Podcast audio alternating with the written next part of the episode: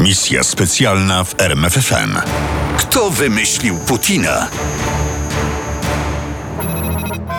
Magazyn Forbes wybrał go najbardziej wpływowym człowiekiem świata. Dziennik The Times i dwutygodnik Time widzieli w nim człowieka roku. Владимир Владимирович Путин. Skąd nadszedł Putin? Nie udawajcie, że nie wiecie, kim jest Putin. Ten człowiek jest niebezpieczny dla mojego kraju i dla świata. I dlaczego Andrzej Piątkowski, dziennikarz i komentator życia politycznego Rosji, tak ostro się o nim wypowiadał? W 1975 roku Putin skończył studia prawa międzynarodowego z bardzo dobrym wynikiem. Przyjęto go do KGB i jako oficer wywiadu wyjechał do NRD. Pomagał swojej czerwonej ojczyźnie zdobyć nowoczesne technologie z dziedziny elektroniki. Kiedy rozpadł się Związek Radziecki, Putin w stopniu podpułkownika wrócił do rodzinnego miasta Petersburga. Tam dał się poznać jako sprawna ręka mera miasta Anatolija Sobczaka. Duet Sobczak-Putin działał sprawnie do 1996 roku. To przez te pięć lat Putin brał na siebie trudne zadania wprowadzenia do Petersburga zagranicznego kapitału. Przemysłu, technologii i przede wszystkim żywności. W mieście w ogóle nie było jedzenia ani pieniędzy.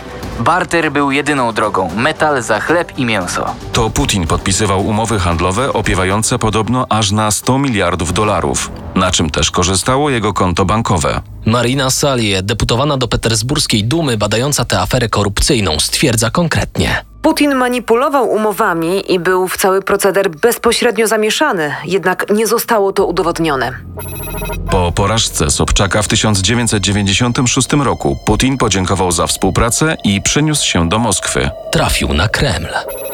Kiedy przenosiłem się do Moskwy, nie miałem wielkich ambicji. Pojechałem tam tylko dlatego, że należałem do najbliższego kręgu pracowników mera Petersburga Sobczaka, a po jego wyborczej porażce nie miałem szans dostać pracy w nowej administracji miasta. W 1998 roku awansował na stanowisko szefa Federalnej Służby Bezpieczeństwa. Rok później został przewodniczącym Rady Bezpieczeństwa Federacji Rosyjskiej. 9 sierpnia 1999 roku Władimir Putin odebrał nominację na wicepremiera Federacji Rosyjskiej. A ponieważ tego samego dnia Jelcyn zdymisjonował premiera, Władimir Putin zaczął pełnić obowiązki szefa rządu. Nominację wręczył mu prezydent Jelcyn. Mam nadzieję, że zostaniecie moim następcą. Rosja potrzebuje takich ludzi jak wy, Władymirze Władymirowiczu. Pięć miesięcy później, w Sylwestra 1999 roku, prezydent Jelcyn ustąpił, a Putin przejął jego obowiązki. Zaledwie w pięć miesięcy nikomu nieznany urzędnik Kremla, były oficer KGB, został najważniejszą osobą w Rosji. Jaka siła wypchnęła go ponad elity młodej Republiki Rosyjskiej? Czy to jego upór i twardy charakter? No, niezupełnie. Córka Jelcyna, Tatiana Jumaszewa, twierdzi, że Władimir Władimirowicz przestraszył się propozycji zastąpienia Jelcyna przed końcem jego kadencji. Odwrotu jednak nie było. Putin został wybrany i namaszczony. Kto był ojcem chrzestnym Putina polityka? Właściwie możemy mówić o rodzicach chrzestnych. To córka Jelcyna, Tatiana Jumaszewa, podpowiedziała ojcu wybór Putina, a swoją rekomendację dał również Borys Bierezowski, zaufany doradca Jelcyna. Jednak w państwie demokratycznym A za takie uchodziła jelcynowska Rosja. o wyborze prezydenta decydował naród, a skoro tak, należało naród przekonać do nowego kandydata. Tymczasem opinia publiczna o Putinie nie słyszała. Lecz i na to znaleziono sposób.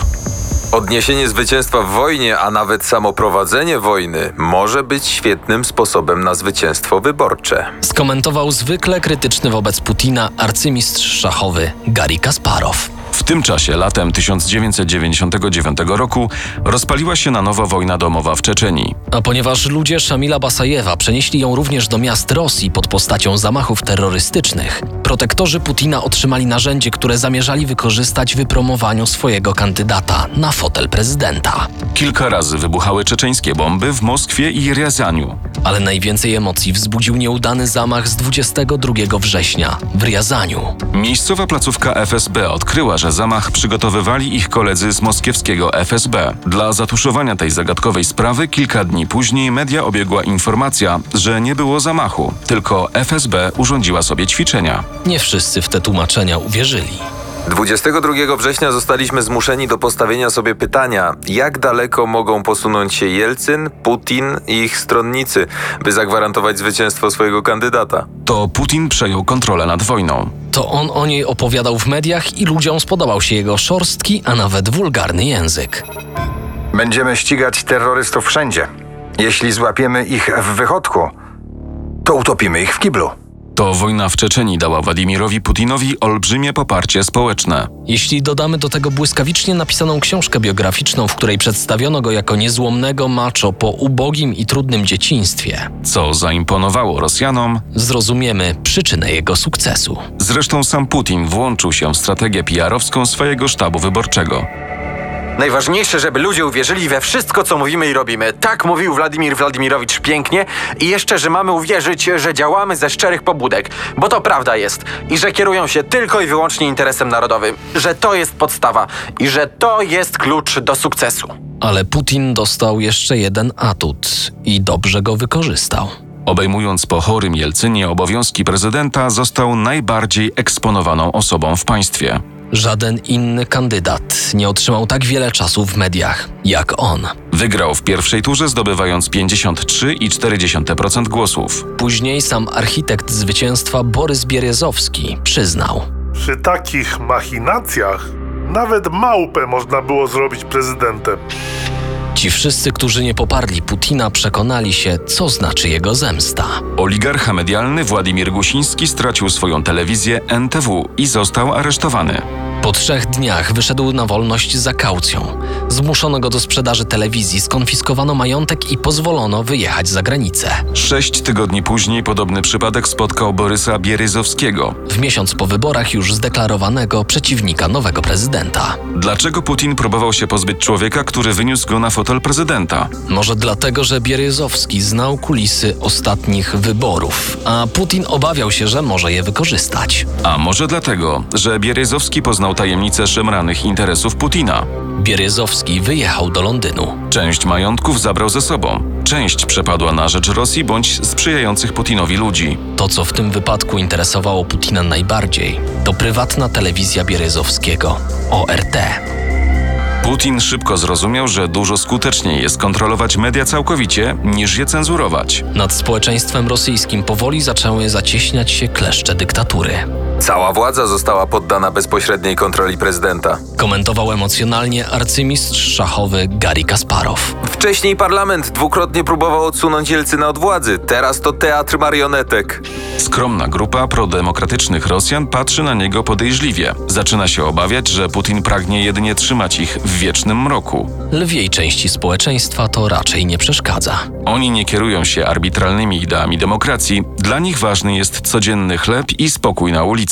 Skoro Putin to gwarantuje, to czemu go nie popierać? On nas wszystkich trzyma w jednym wielkim obozie filtracyjnym. Mówi wprost Andrzej Piątkowski. Za bramą wiodącą do nowego, wspaniałego świata Putina. Sprawdza się tam, ile potrafimy przełknąć w milczeniu, jak szybko można nas złamać. Nie pytajcie mnie, kim jest Putin i nie pytajcie mnie, komu bije dzwon Putina. Bije on nam. Misja specjalna w RMFFM. Na tropie największych tajemnic historii.